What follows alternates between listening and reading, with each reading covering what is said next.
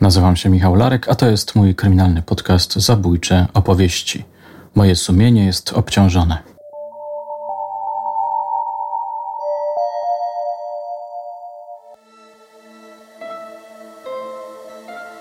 Moje sumienie jest obciążone. Czuję, że jest moje sumienie obciążone i, na pewno y, to sumienie będzie mnie dręczyć y, do końca mojego życia, bo na pewno to się nie zmieni. I te myśli przychodzą zawsze, że jednak to, co zrobiłem, nie było bardzo złą rzeczą, mm, wręcz tragiczną dla mnie, dla rodziny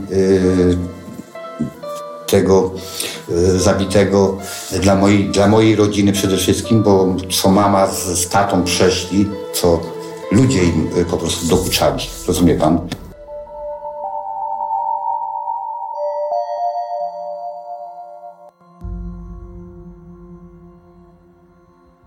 Robczyce 25 listopada 2005 roku.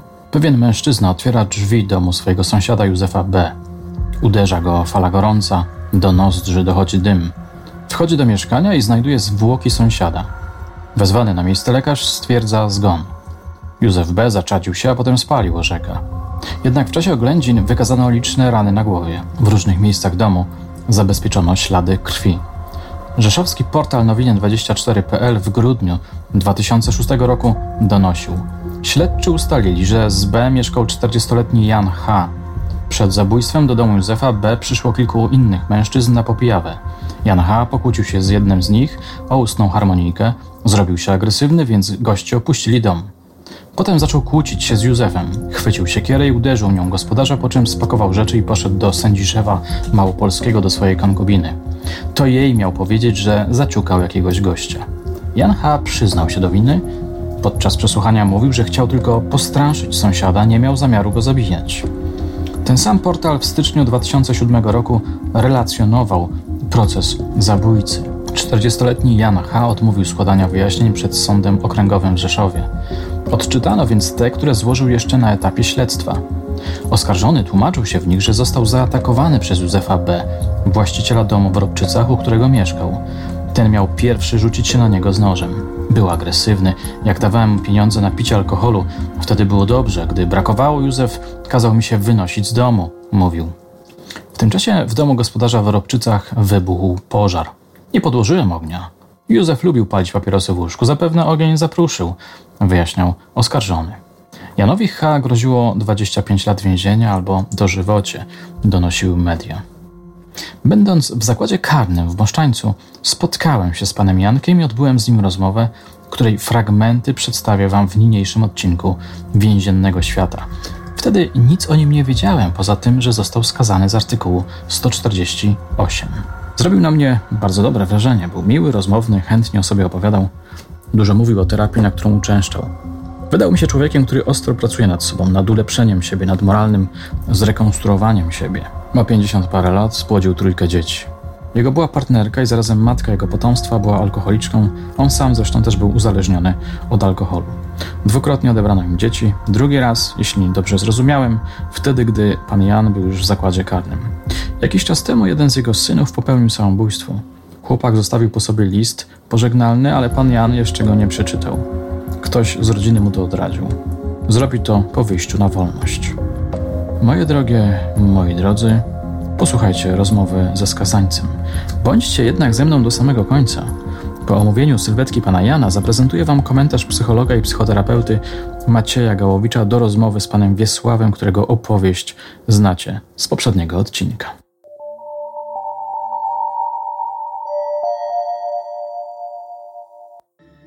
Byłem na warunkowym zwolnieniu w tym czasie, bo miałem takie wyroki za takie drobne przestępstwa, jakieś kradzieże, włamania, trzy lata przed tym wyrokiem.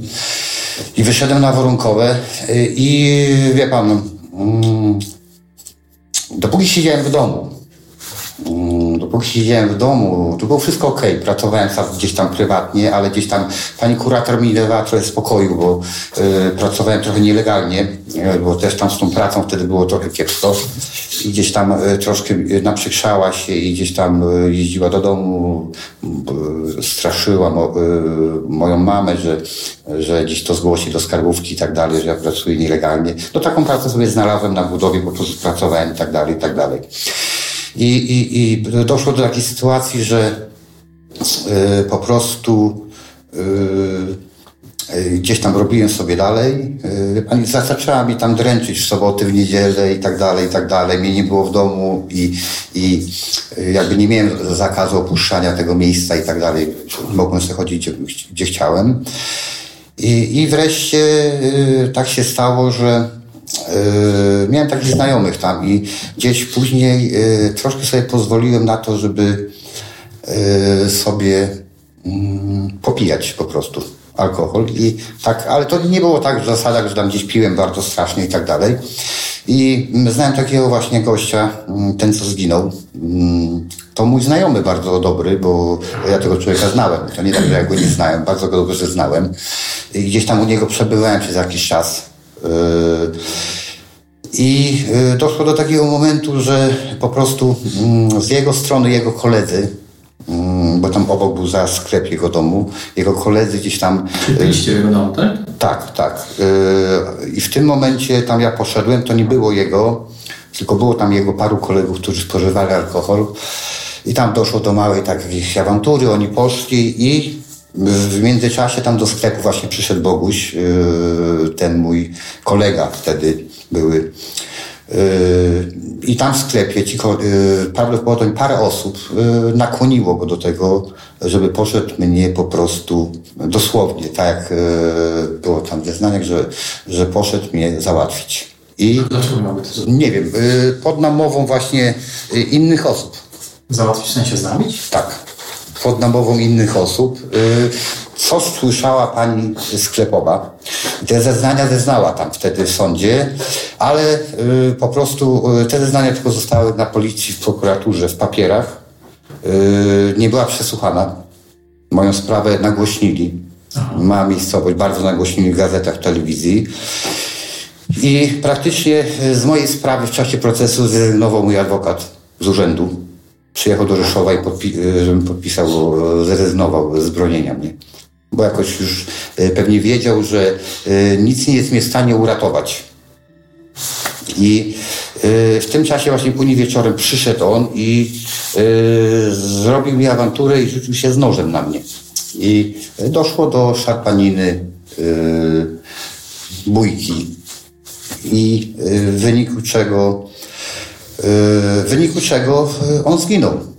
A całe to zdarzenie było tak, y, do dzisiaj jeszcze y, jakoś tak nie mogę sobie przypomnieć tego całego zdarzenia, do dzisiaj jeszcze, bo działając jakoś w samoobronie, gdzieś tam ze świadomością, że mogę utracić życie, że tak zadziałałem po prostu.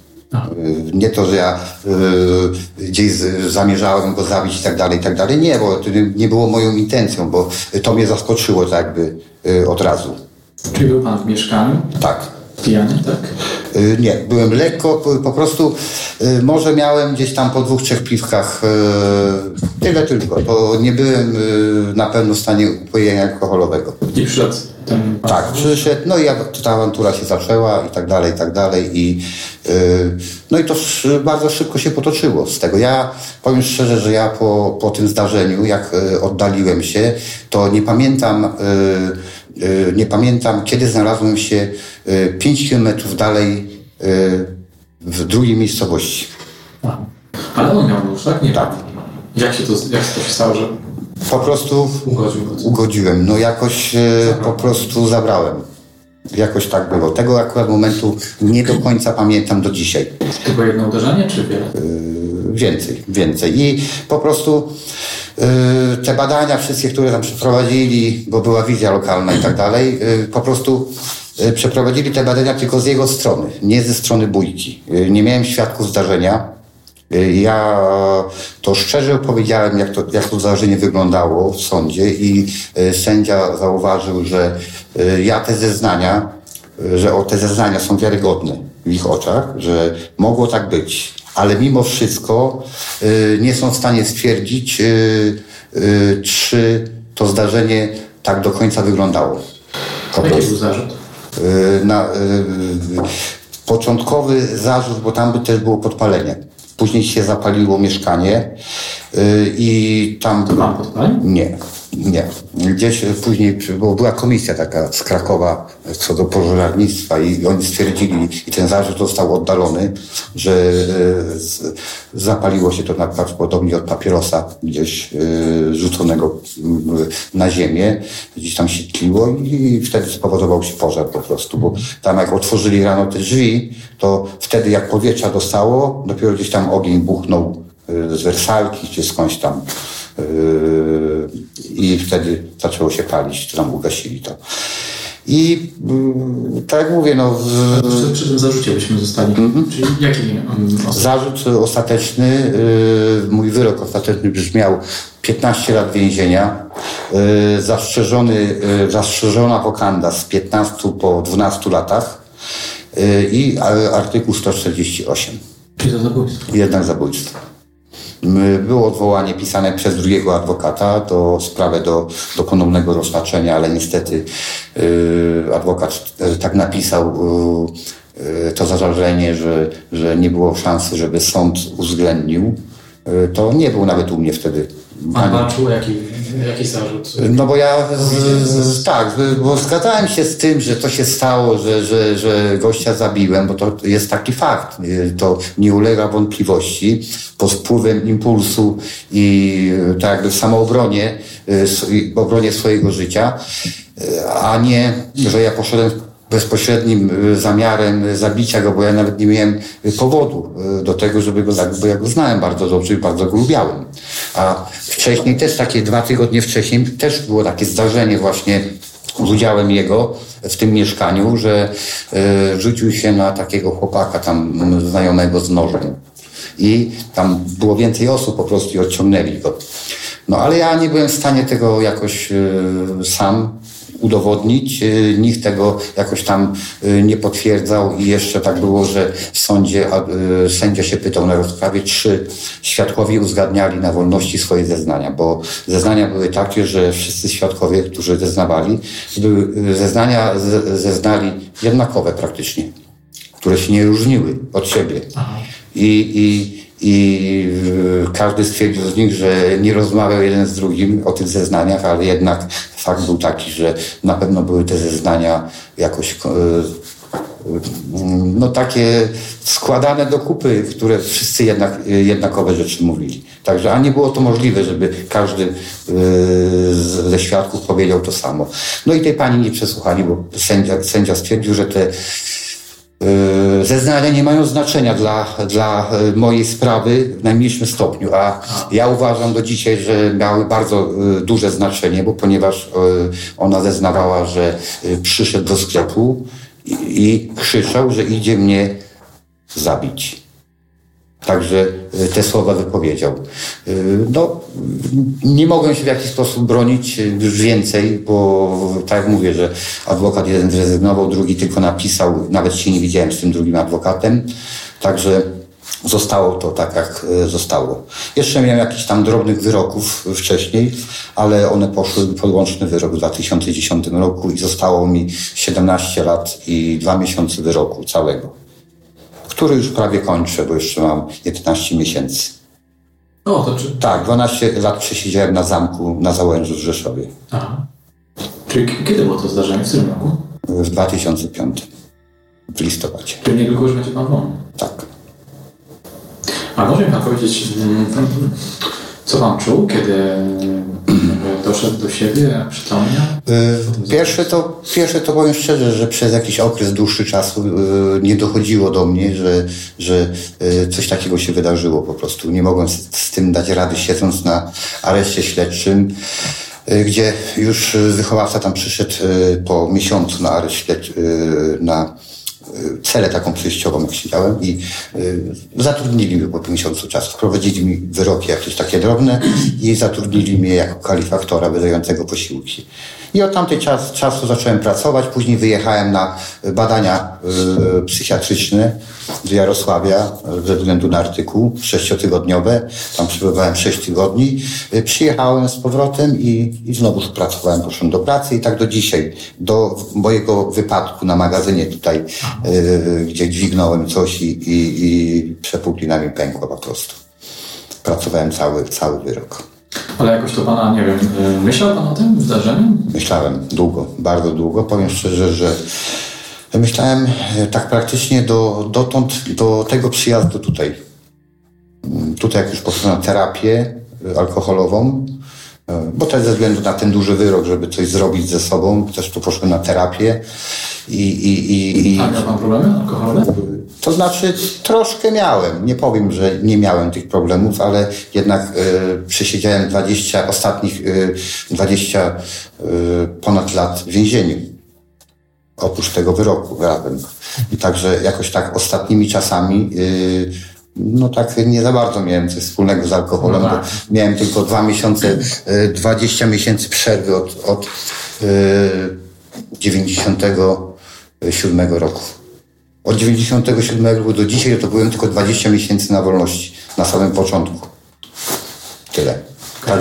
Wróćmy do tych, mhm. do tych wspomnień, bo Pan, że myślał Pan długo. Tak, bardzo długo myślałem i yy, jakoś tak yy, nie mogłem y, sobie tego w ogóle yy, jakoś wypierałem to całe zdarzenie. Jeszcze mimo to, że, że jednak no jak to mogło wyjść, że ja zabiłem właśnie kogoś i tak dalej, i tak dalej. I to mnie męczyło przez parę lat po prostu.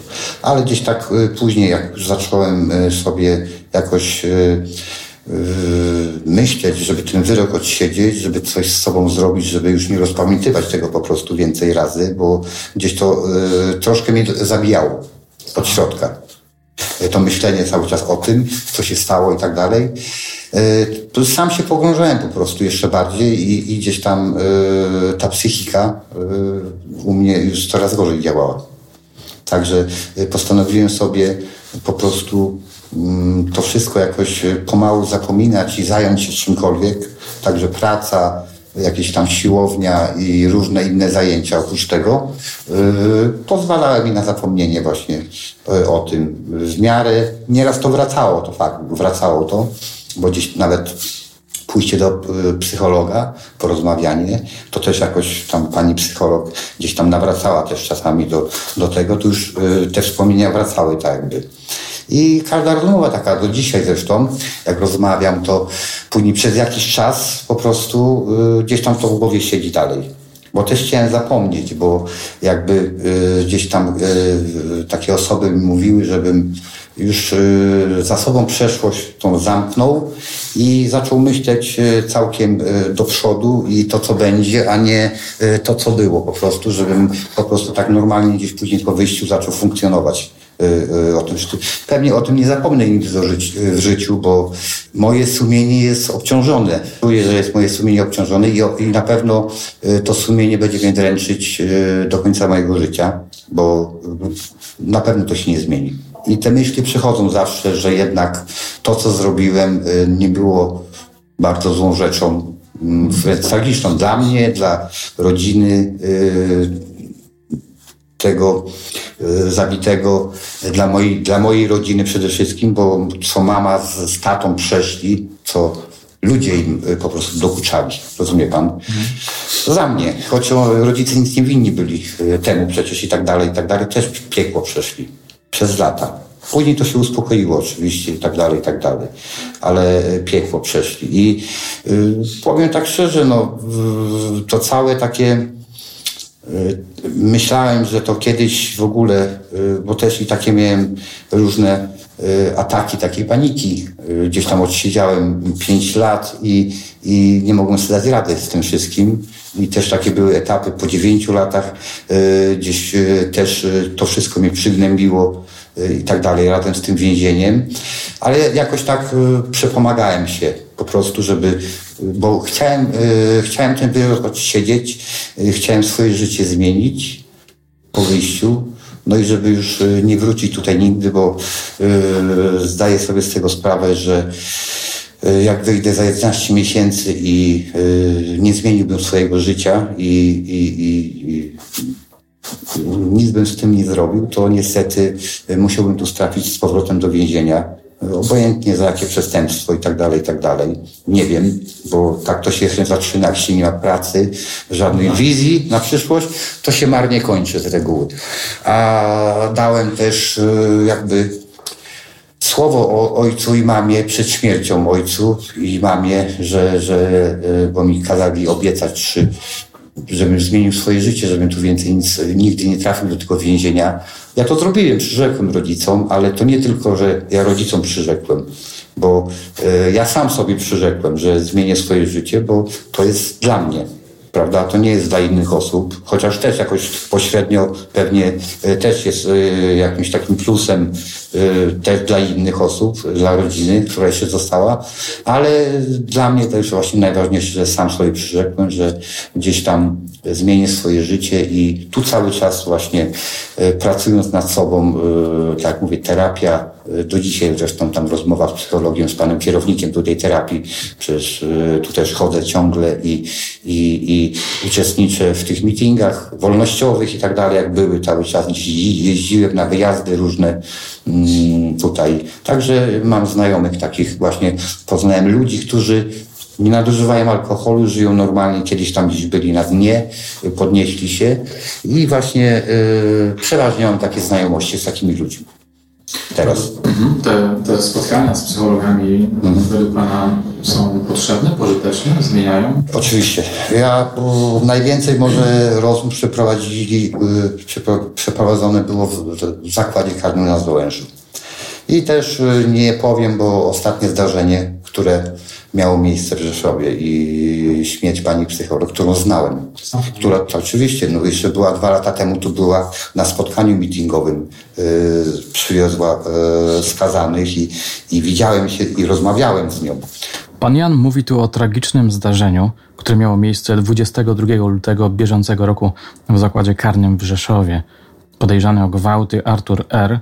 podczas konsultacji psychologicznej zaatakował porucznik Bogumiłę Bieniek-Pasierb jak podała Interia.pl, zadał jej uderzenia zaciśniętą dłonią i ostro zakończonym narzędziem.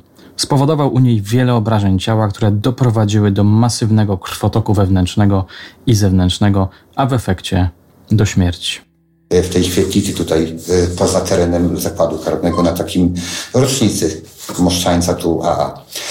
I y, jak usłyszałem to, to y, po prostu jakoś tak, y, no nie wierzyłem, że coś takiego mogło się wydarzyć, bo naprawdę była taką kobietą spokojną, bo chodziłem do niej i wiem, że bardzo mi pomogła w różnych sprawach. Aha.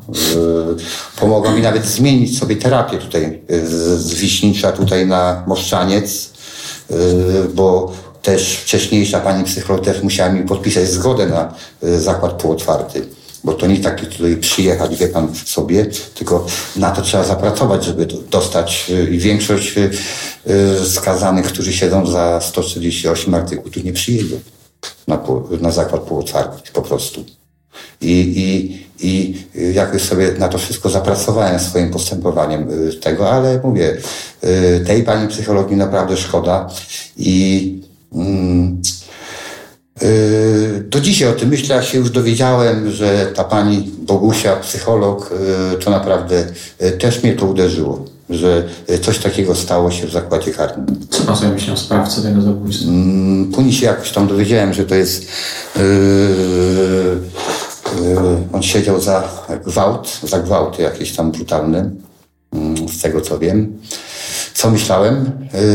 Powiem szczerze tak, że nie wiem, co w tym człowieku mogło siedzieć, bo przychodząc tutaj do więzienia za jakiekolwiek przestępstwo, y, nie wyobrażam sobie, y, y, nie wyobrażałem sobie nigdy czegoś takiego, żeby ktoś poszedł do pani psycholog, czy do pani wychowawczyni, czy do kogokolwiek ze służby więziennej i kogoś zamordował.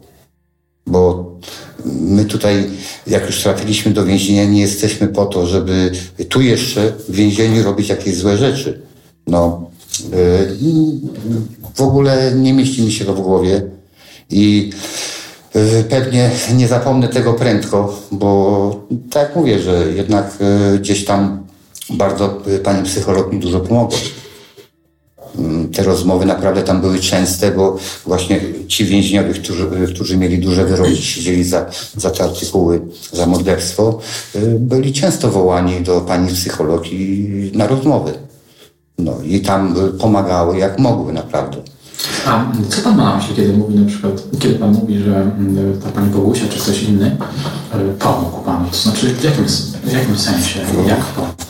No i mi na przykład yy, pani psycholog pomogła, yy, pomagali mi właśnie w załatwianiu różnych rzeczy z przyjazdem dzieci, z placówek. Ja myślę raczej o takiej robocie psychologicznej nad, nie, nad umysłem, nad głową. Tak, rozmowy. Rozmowy. Przede wszystkim dużo rozmów takich, które Y, dla mnie były takie pouczające, bo, bo zawsze jak z tych rozmów gdzieś tam wychodziłem i rozmawiałem i y, y, także pani psycholog zawsze to dokładnie wysłuchiwała, nie? Tak, że jakoś y, mówi, ja nie mam czasu, 15 minut i tak dalej, bo było tak, że siedziałem po dwie godziny i rozmawiałem z panią psycholog i y, gdzieś tam zawsze przekonywała mnie, że jednak y, Y, jak mówiłem, że jestem niedobrym ojcem, na przykład takie słowa pamiętam, to y, pani psycholog mówi, że y, to nie tak do końca, że pan jest złym ojcem po prostu. I nie pogrążała mnie w tym wszystkim, tylko raczej próbowała zawsze rozładować tą, te wszystkie złe emocje, atmosferę i jakoś, żebym zmienić moje myślenie. Po prostu, żebym ja myślał pozytywnie, nie negatywnie, żebym y, był spokojny i tak dalej. Ja wychodziłem zawsze z rozmowy i y, było to na zasadzie, że ja wychodziłem y, z uśmiechem na twarzy. Bez stresu, bez nerwów i tak dalej, i tak dalej. No i to jest właśnie to wszystko, gdzieś tam wszystkie takie te, to wpływało bardzo dobrze na stan umysłu właśnie. Chciałem dodać jedną rzecz. To mnie bardzo interesuje. Jak co się czuje, kiedy, ma się, kiedy pojawiają się wyrzuty sumienia? Co się czuje? No, jak wygląda? Eee, to jest taka, jakby, jak to można powiedzieć, eee, wtedy człowiek sobie nie daje rady. Jest kotło, ta, taka kotłowanina w głowie e, różnych myśli związanych właśnie e, z tą całą sprawą, która była i y, wymaga to naprawdę, y, nieraz nie mogłem sobie dać z tym rady po prostu. Nie wiedziałem, e, co z sobą zrobić, e, co mam myśleć e, i tak dalej, i tak dalej. Po prostu chodziłem tak, jakbym najadł się tabletek i tak dalej. Nie, nie potrafiłem jasno myśleć w ogóle wtedy.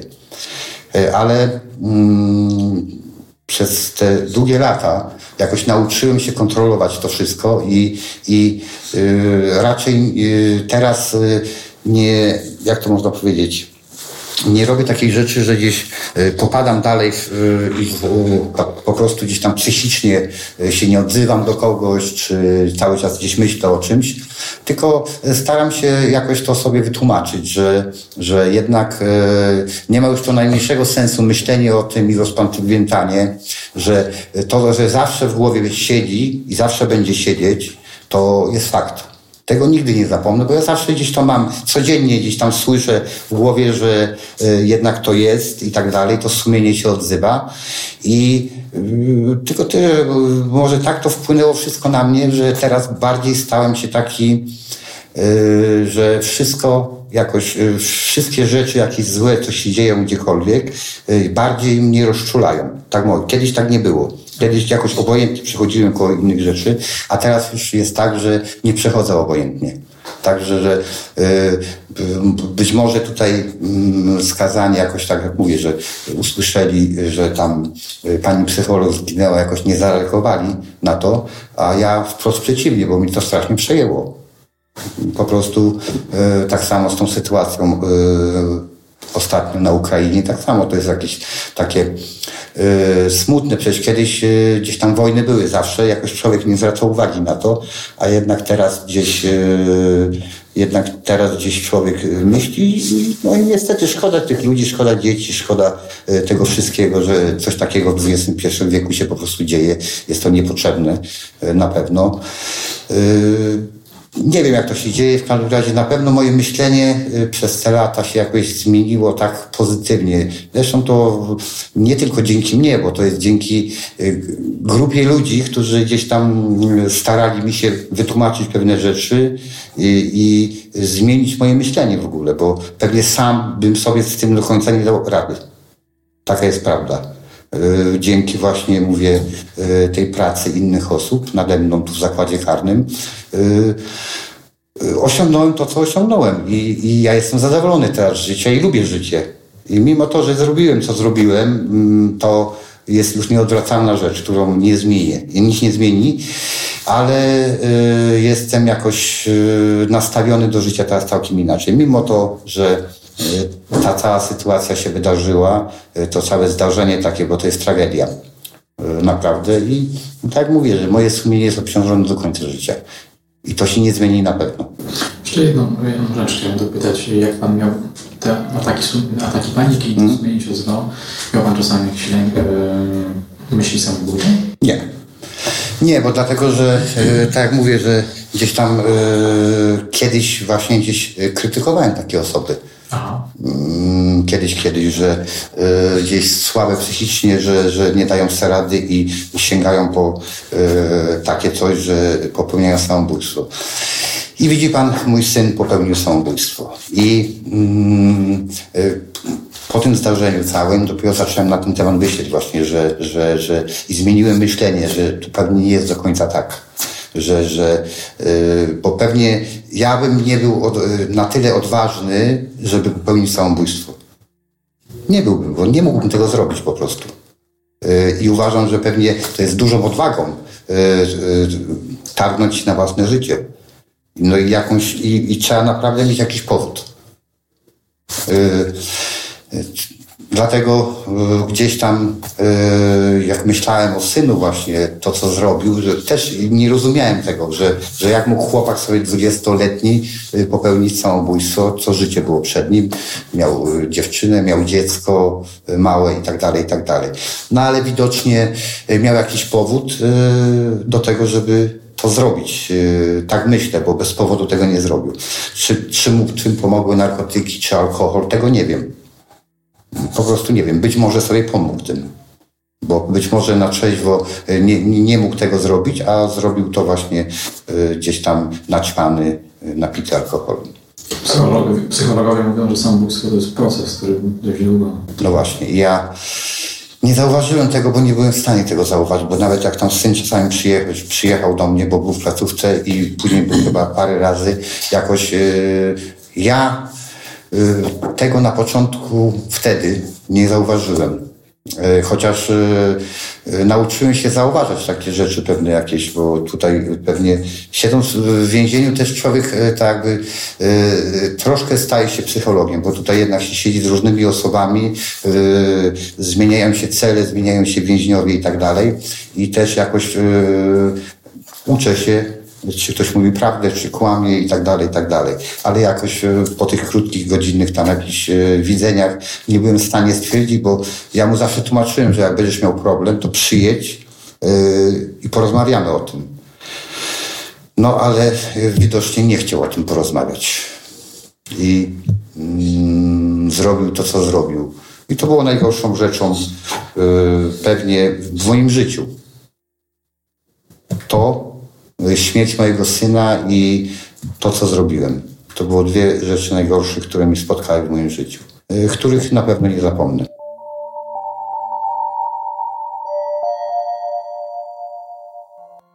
Kilka słów komentarza pani major Katarzyny Bolek, która towarzyszyła mi podczas rozmowy. Mówiła mi, że zna go od dobrych kilku lat, więc zdążyła wypracować sobie opinię na jego temat. Przyjechał do nich do zakładu na terapię dla uzależnionych od alkoholu. Od początku był cichy, spokojny, podporządkowany, przepraszał za to, że żyje. Według pani Major jego postać to dobitny dowód na tezę, którą wygłosiła w trakcie naszej podcastowej rozmowy, że zabójcy bywają często więźniami bardzo ułożonymi i chętnie współpracującymi. Ale za tą fasadą grzeczności, serdeczności kryje się w tym konkretnym przypadku coś podejrzanego. Czasami mam wrażenie, że on jest za miły, że tacy przestępcy ludzie nie zdarzają się, mówiła mi. Wydaje mi się, że on nie jest do końca uczciwy, szczery, on gra w jakiejś mierze. Czuję, że gdzieś tam w środku jest kłamstwo. Janek stara się pokazać lepszym niż jest w rzeczywistości. W jej opinii można więc usłyszeć pytanie, czy ta maska ułożonego skazańca nie kryje osobowości psychopatycznej. Mechanizmy obronne, o których kiedyś rozmawialiśmy, mocno w nim działają. Zauważ, mówiła, że on ma problem z mówieniem o popełnieniu przestępstwa. mocno się wybiela, jeśli chodzi o swój czyn. Nigdy w rozmowie ze mną nie był krytyczny wobec tego, co zrobił. Owszem, twierdzi, że żałuje, ale tak naprawdę nie przeżywa zabójstwa wewnątrz siebie, emocjami. Nigdy nie powiedział uczciwie, co zrobił i dlaczego. Minimalizuje swój udział czy winę. W rozmowie z tobą powiedział na przykład, że był po dwóch czy trzech piwkach, podczas gdy w rzeczywistości był mocno pijany, miał we krwi prawie 3 promile alkoholu. Nie mówił też chociażby, że ten zamordowany mężczyzna pomógł mu, pozwolił zamieszkać u siebie, no i że w pewnym momencie nie chciał już przebywać z nim pod jednym dachem. Moja rozmówczyni zwróciła też uwagę na to, że pan Jan nie używa adekwatnych słów, nie mówił, że zabił, tylko korzysta z delikatniejszych zamienników. Generalnie jego narracja minimalizuje i wypiera.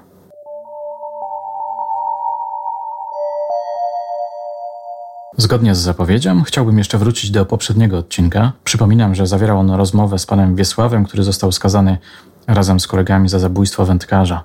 Rzecz miała miejsce w 2000 roku w Dębicy. Do kilku wędkarzy podeszło pięciu młodych ludzi, pisał jeden z portali. Napastnicy byli pijani, zażądali pieniędzy. Ponieważ wędkarze odmówili, bandyci zaczęli ich bić. Jeden z napadniętych został pobity tak dotkliwie, że zmarł w miejscu, gdzie pięciu bandytów napadło na wędkujących. Zabrali mu pięć złotych.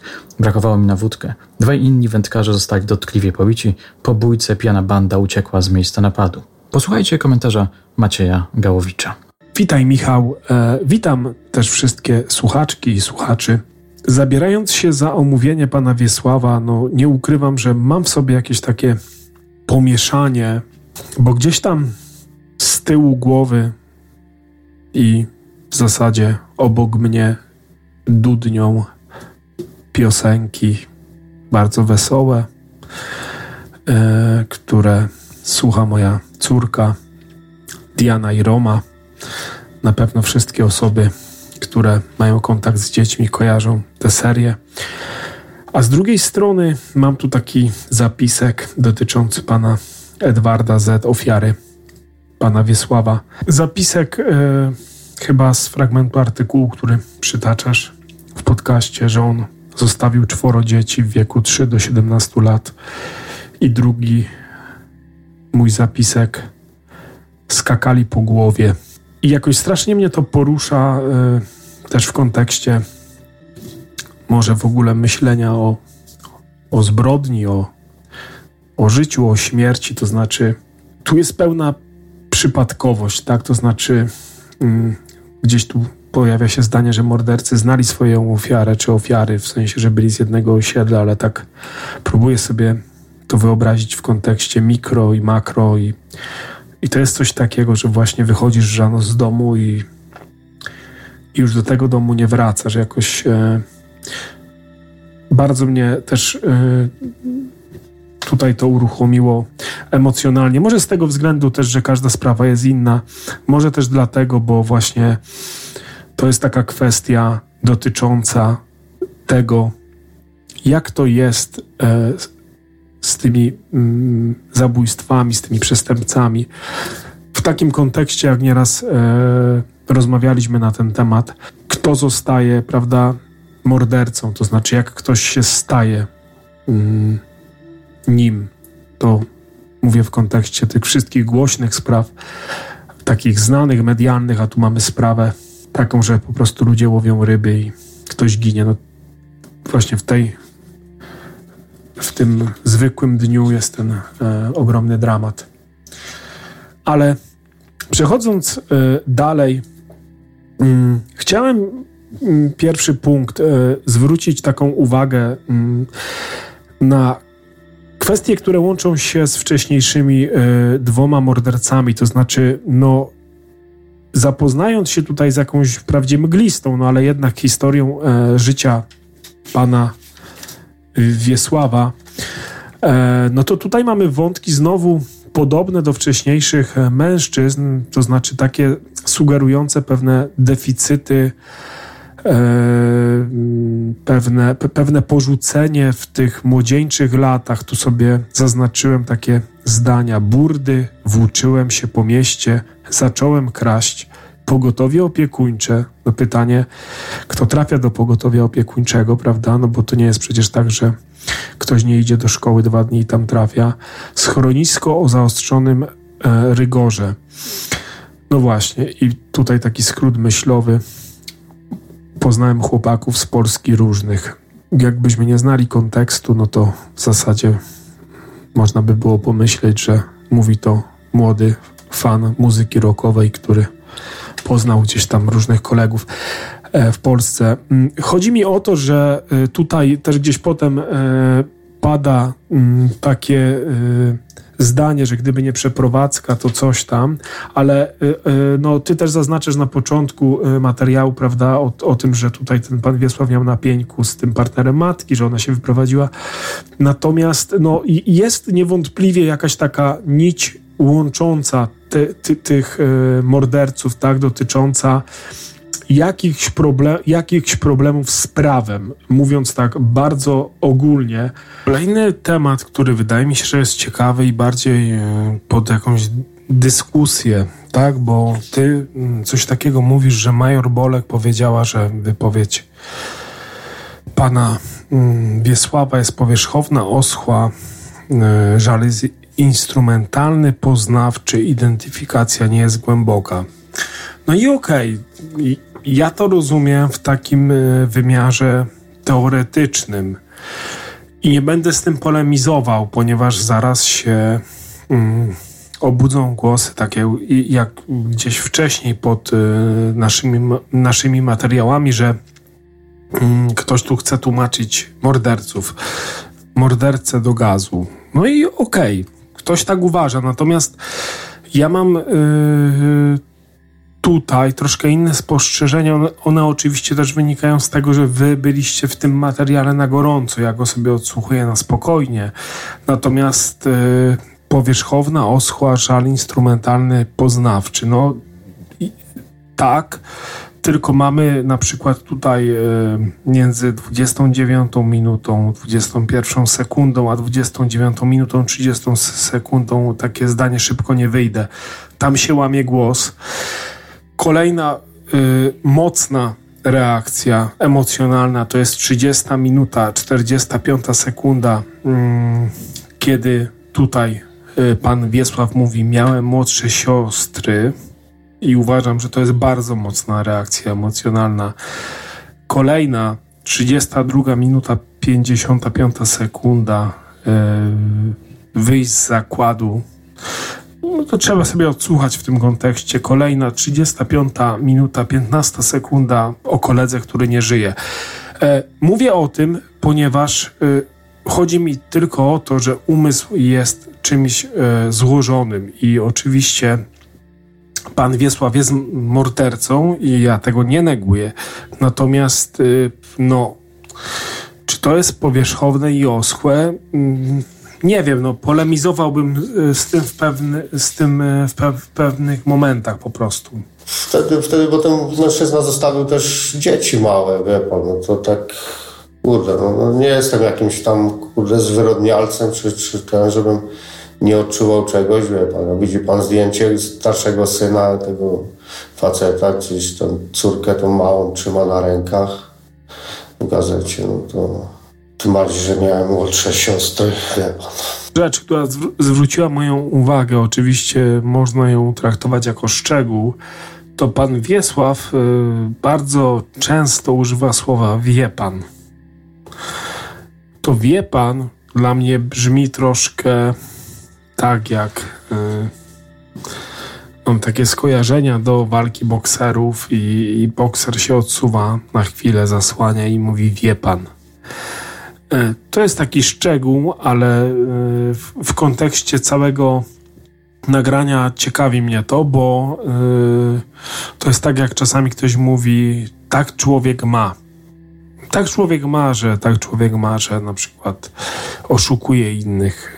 Mm, tu jest e, odchodzenie od siebie, od e, własnego ja, własnego self. Wie pan. Kwestia dotycząca pamięci, a w zasadzie niepamięci, a w zasadzie trochę problemów z pamięcią. Um, nie wiem, trochę to jest kwestia może pod dyskusję teoretyczną na temat niepamiętania pewnych doznanych traum i powtarzania ich później. E, chodzi mi tu o to, co no jest szokujące, faktycznie szokujące w kontekście e, całego nagrania. To znaczy, że z jednej strony pan e, Wiesław mówi, że pamięta wszystko z wydarzenia, no ale to, to co on mówi w kontekście na tle tego, co się wydarzyło, no to to są kompletnie dwie różne historie, bo to trochę nie wiem, w stronę takiego czyszczenia się.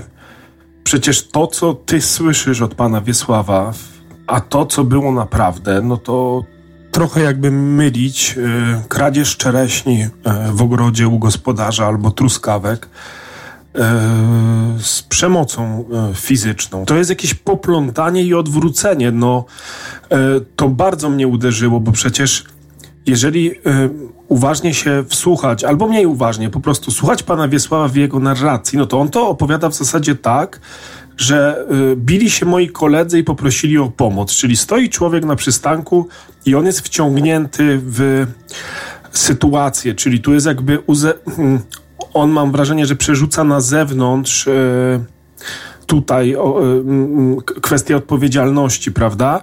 Mało tego. Tu jest gdzieś informacja o tym, że oni znali swoją ofiarę, czyli jest jakaś bliskość emocjonalna może. Natomiast zdanie, od którego y, ty zaczynasz y, przebieg tych zdarzeń, to znaczy, że mężczyzna podbiega i uderza w głowę tego wędkarza głową o drzewo, więc jak tego się słucha, to naprawdę to pokazuje, no bo ja nie mam w głowie tego, że pan Wiesław, nie wiem, przygotował się tak i celowo kłamie, natomiast to pokazuje, jak ogromne tam są zniekształcenia w pamięci, no bo jeżeli tę samą sytuację z jednej strony ktoś przedstawia tak, że po prostu stoi na przystanku, jest coś wciągnięty, bo go wołają, z drugiej strony my wiemy, że to był... Yy, no, główny agresor, to, to myślę, że tutaj na tym przykładzie wychodzi, prawda, jakiś rodzaj znowu rozszczepienia y, umysłu, rozszczepienia pamięci. Y, tak samo jak on y, przedstawia tę ofiarę, która w zasadzie tak brzmi w tej narracji, że to ona trochę prowokowała, bo pobiegła za nami. On mówi upadł, tak, a oni mu skakali po głowie. No to jest przerażające, myślę, w tym kontekście jednak y, zdania, że pan y, pamięta y, wszystko z tego wydarzenia i zdania, które pada gdzieś później, to znaczy, że wydoroślałem i ja kieruję swoim życiem. Ciekawe jest to, że gdzieś w narracji pojawia się wątek e, tego paktu o niespotykaniu się, paktu, no może nie krwi, ale e, chociaż w zasadzie trochę krwi, o niespotykaniu się, no bo jak ja się nie mam czego bać, to czego mm, nie jestem w stanie się spotkać z kolegami. Kolejna grupa wypowiedzi e, jest dla mnie z takiej kategorii troszkę e, czegoś, co ma złagodzić e, obraz tego czynu, troszkę może wprowadzić wątpliwości w obszar tego, na ile wyrok jest sprawiedliwy. To, się, to, to jest gdzieś między wierszami, ale to jest bardzo ciekawe, bo tu mamy takie różne logiczne odwrócenia i zniekształcenia, które na poziomie prostego przykładu wyobrażałbym sobie tak, że jak jadę mm, 120 na godzinę, a jest dozwolone 60, to ja się dziwię, że i drapię po głowie, że mam wyższy mandat. Jestem zdziwiony, że zostałem zatrzymany i że faktycznie e, tutaj obowiązuje inna prędkość. Dziwię się czemuś oczywistemu. Jak ja to pierwsze usłyszałem, to jakoś przeszedłem dalej, ale potem e, jakoś mocno mi się to przylepiło do głowy, że pan jest zdziwiony tym, że pięścią można zabić. Wprawdzie tam kij baseballowy, jakiś nóż, ale pięścią można zabić? Nigdy nie dopuszczałem do głowy, że można kogoś zabić ręką. Nie zakładałem tego. Pomieszanie pewnej logiki, tak samo kiedy on opowiada o sprawie tutaj, jest taki fragment, kiedy on jest taki mocno y, zniesmaczony, trochę to mówi jak taki znawca, że no mm, tutaj jak, tak, jak ich sprawę tam osądzano, to on ma takie wątpliwości co do wyroku. On mówi tutaj podparto się sprawą lata, lata wstecz, tak? Czyli rozumiem w kontekście takim, że oczywiście ktoś może haka szukał, że to jakieś niesprawiedliwe. Tak samo e, kiedy mm, tutaj mówi o tym, że ich sprawę powiązano tak, że one były blisko czasowo z jakimś tam poćwiartowaniem kogoś yy, w trzech reklamówkach. Znaczy, chodzi mi o to tylko na, na poziomie analizy pewnych y, mm, asocjacji, skojarzeń mm, i narracji, że on tutaj, prawda, próbuje jakby się wybielać, znaczy tak, że no właśnie, czyli że ktoś sobie pomylił, jakiś prokurator, no sprawę y, bestialskiego zabicia wędkarza z poćwiartowaniem w reklamówkach i, i to połączył, czyli to trochę tak, jakby ktoś popełnił błąd taki, że no właśnie y, tak samo y, y, skazał y, kogoś, kto ukradł sąsiadowi 5 kilo jabłek, jak e, jakiegoś mm, zwyrodnialca, który kroi i ćwiartuje ludzi. To znaczy, jest w tym jakieś pomieszanie, ale to jest też ciekawe w kontekście, gdyby sobie zadać pytanie, co to ma zrobić odbiorcy, prawda? Czyli jak ja mówię takie rzeczy, to też. Yy, yy, jakie ja wprowadzam treści w pole relacyjne yy, dialogu, tak, który z kimś prowadzę. No bo yy, słuchając tego, no właśnie ja miałem takie w pierwszym skojarzeniu odczucia, że no, no właśnie, może niesłusznie tu ich skazano, może tu się ktoś uwziął. Tak samo jak jest tutaj ten fragment, że no właśnie, gwałt, zabójstwo w tamtych latach, przestępstwo, no takie rzeczy gdzieś tam się mówiło o tym. I teraz stop klatka, tak? To znaczy, no przecież takie rzeczy to są od bardzo, bardzo dawna na świecie. Zło jest, tak? I teraz pytanie, jak on to mówi, po co on to mówi? No bo to tak trochę jakby, prawda? No, no znowu zadaję sobie pytanie, co to ma w słuchaczu wywołać? Jakie, jakie, e, jaki obraz stworzyć jego? Ale potem ty wprowadzasz bardzo suche informacje na temat tego, co wydarzyło się w ten dzień i wszelkie iluzje pryskają i maskarada się kończy. Na koniec przygotowałem, e, chciałbym przeczytać taki fragment e, książki Melanie Klein. To jest taka jedna z wybitniejszych psychoanalityczek e, współpracująca mm, z Freudem. No, osoby zainteresowane odsyłam do, do poczytania sobie o niej. Jest taka książka Miłość, poczucie winy i reparacja i w niej jest artykuł e, Melanie Klein z roku e, 1927 Skłonności przestępcze u normalnych dzieci. Ja teraz e, przeczytam fragment. Jednym z fundamentów, na których opiera się psychoanaliza, jest odkrycie Freuda, że w psychice osoby dorosłej odnajdziemy wszystkie fazy wcześniejszego rozwoju. Znajdziemy je w nieświadomości, która zawiera wszystkie wyparte fantazje i skłonności. Jak wiemy, mechanizm wyparcia sterowany jest przez instancję oceniającą, krytykującą, czyli przez superego. Najgłębiej wypierane są skłonności antyspołeczne. Analiza dziecięca, zwłaszcza analiza wczesnodziecięca, dzieci w wieku od 3 do 6 lat, ukazuje bardzo pouczający obraz wczesnych zmagań między cywilizowaną i prymitywną częścią osobowości. Wyniki pracy analitycznej z małymi dziećmi dowodzą, że superego działa już w drugim roku życia. To, czego dowiadujemy się o dziecku i o dorosłym dzięki psychoanalizie, dowodzi, iż wszelkie późniejsze cierpienia są tak naprawdę powtórzeniem cierpień najwcześniejszych i że każde dziecko w pierwszym roku życia zmaga się z ogromnym bólem. Dziękuję. Zdanie ode mnie na temat tej postaci. W opowieści pana Wiesława zaintrygował mnie chyba najbardziej wątek paktu niespotykania się na żywo, jaki zawarli ze sobą sprawcy zabójstwa wędkarza. Pamiętacie? Uzgodnili, że się nie spotykamy i tyle. No. Uzgodniliście? Tak, oni też tam między sobą i tyle, no bo nie wiadomo, jaki jeden na drugiego miałby wpływ. Wie pan. Nie wiadomo, co by mogło być wymowny jest ten strach przed samym sobą. Tak jakby ci mężczyźni czuli, że gdzieś tam w środku ich umysłów, dusz śpi zabójca. I lepiej go nie budzić, lepiej dmuchać na zimne i nie ryzykować, unikać wszelkich pokus. Strach przed własnym wewnętrznym demonem. Mocna rzecz, prawda?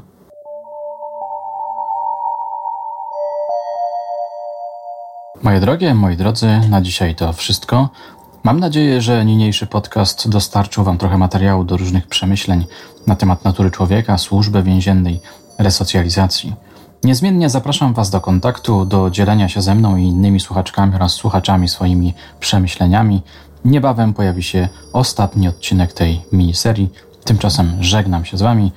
Do usłyszenia już niebawem.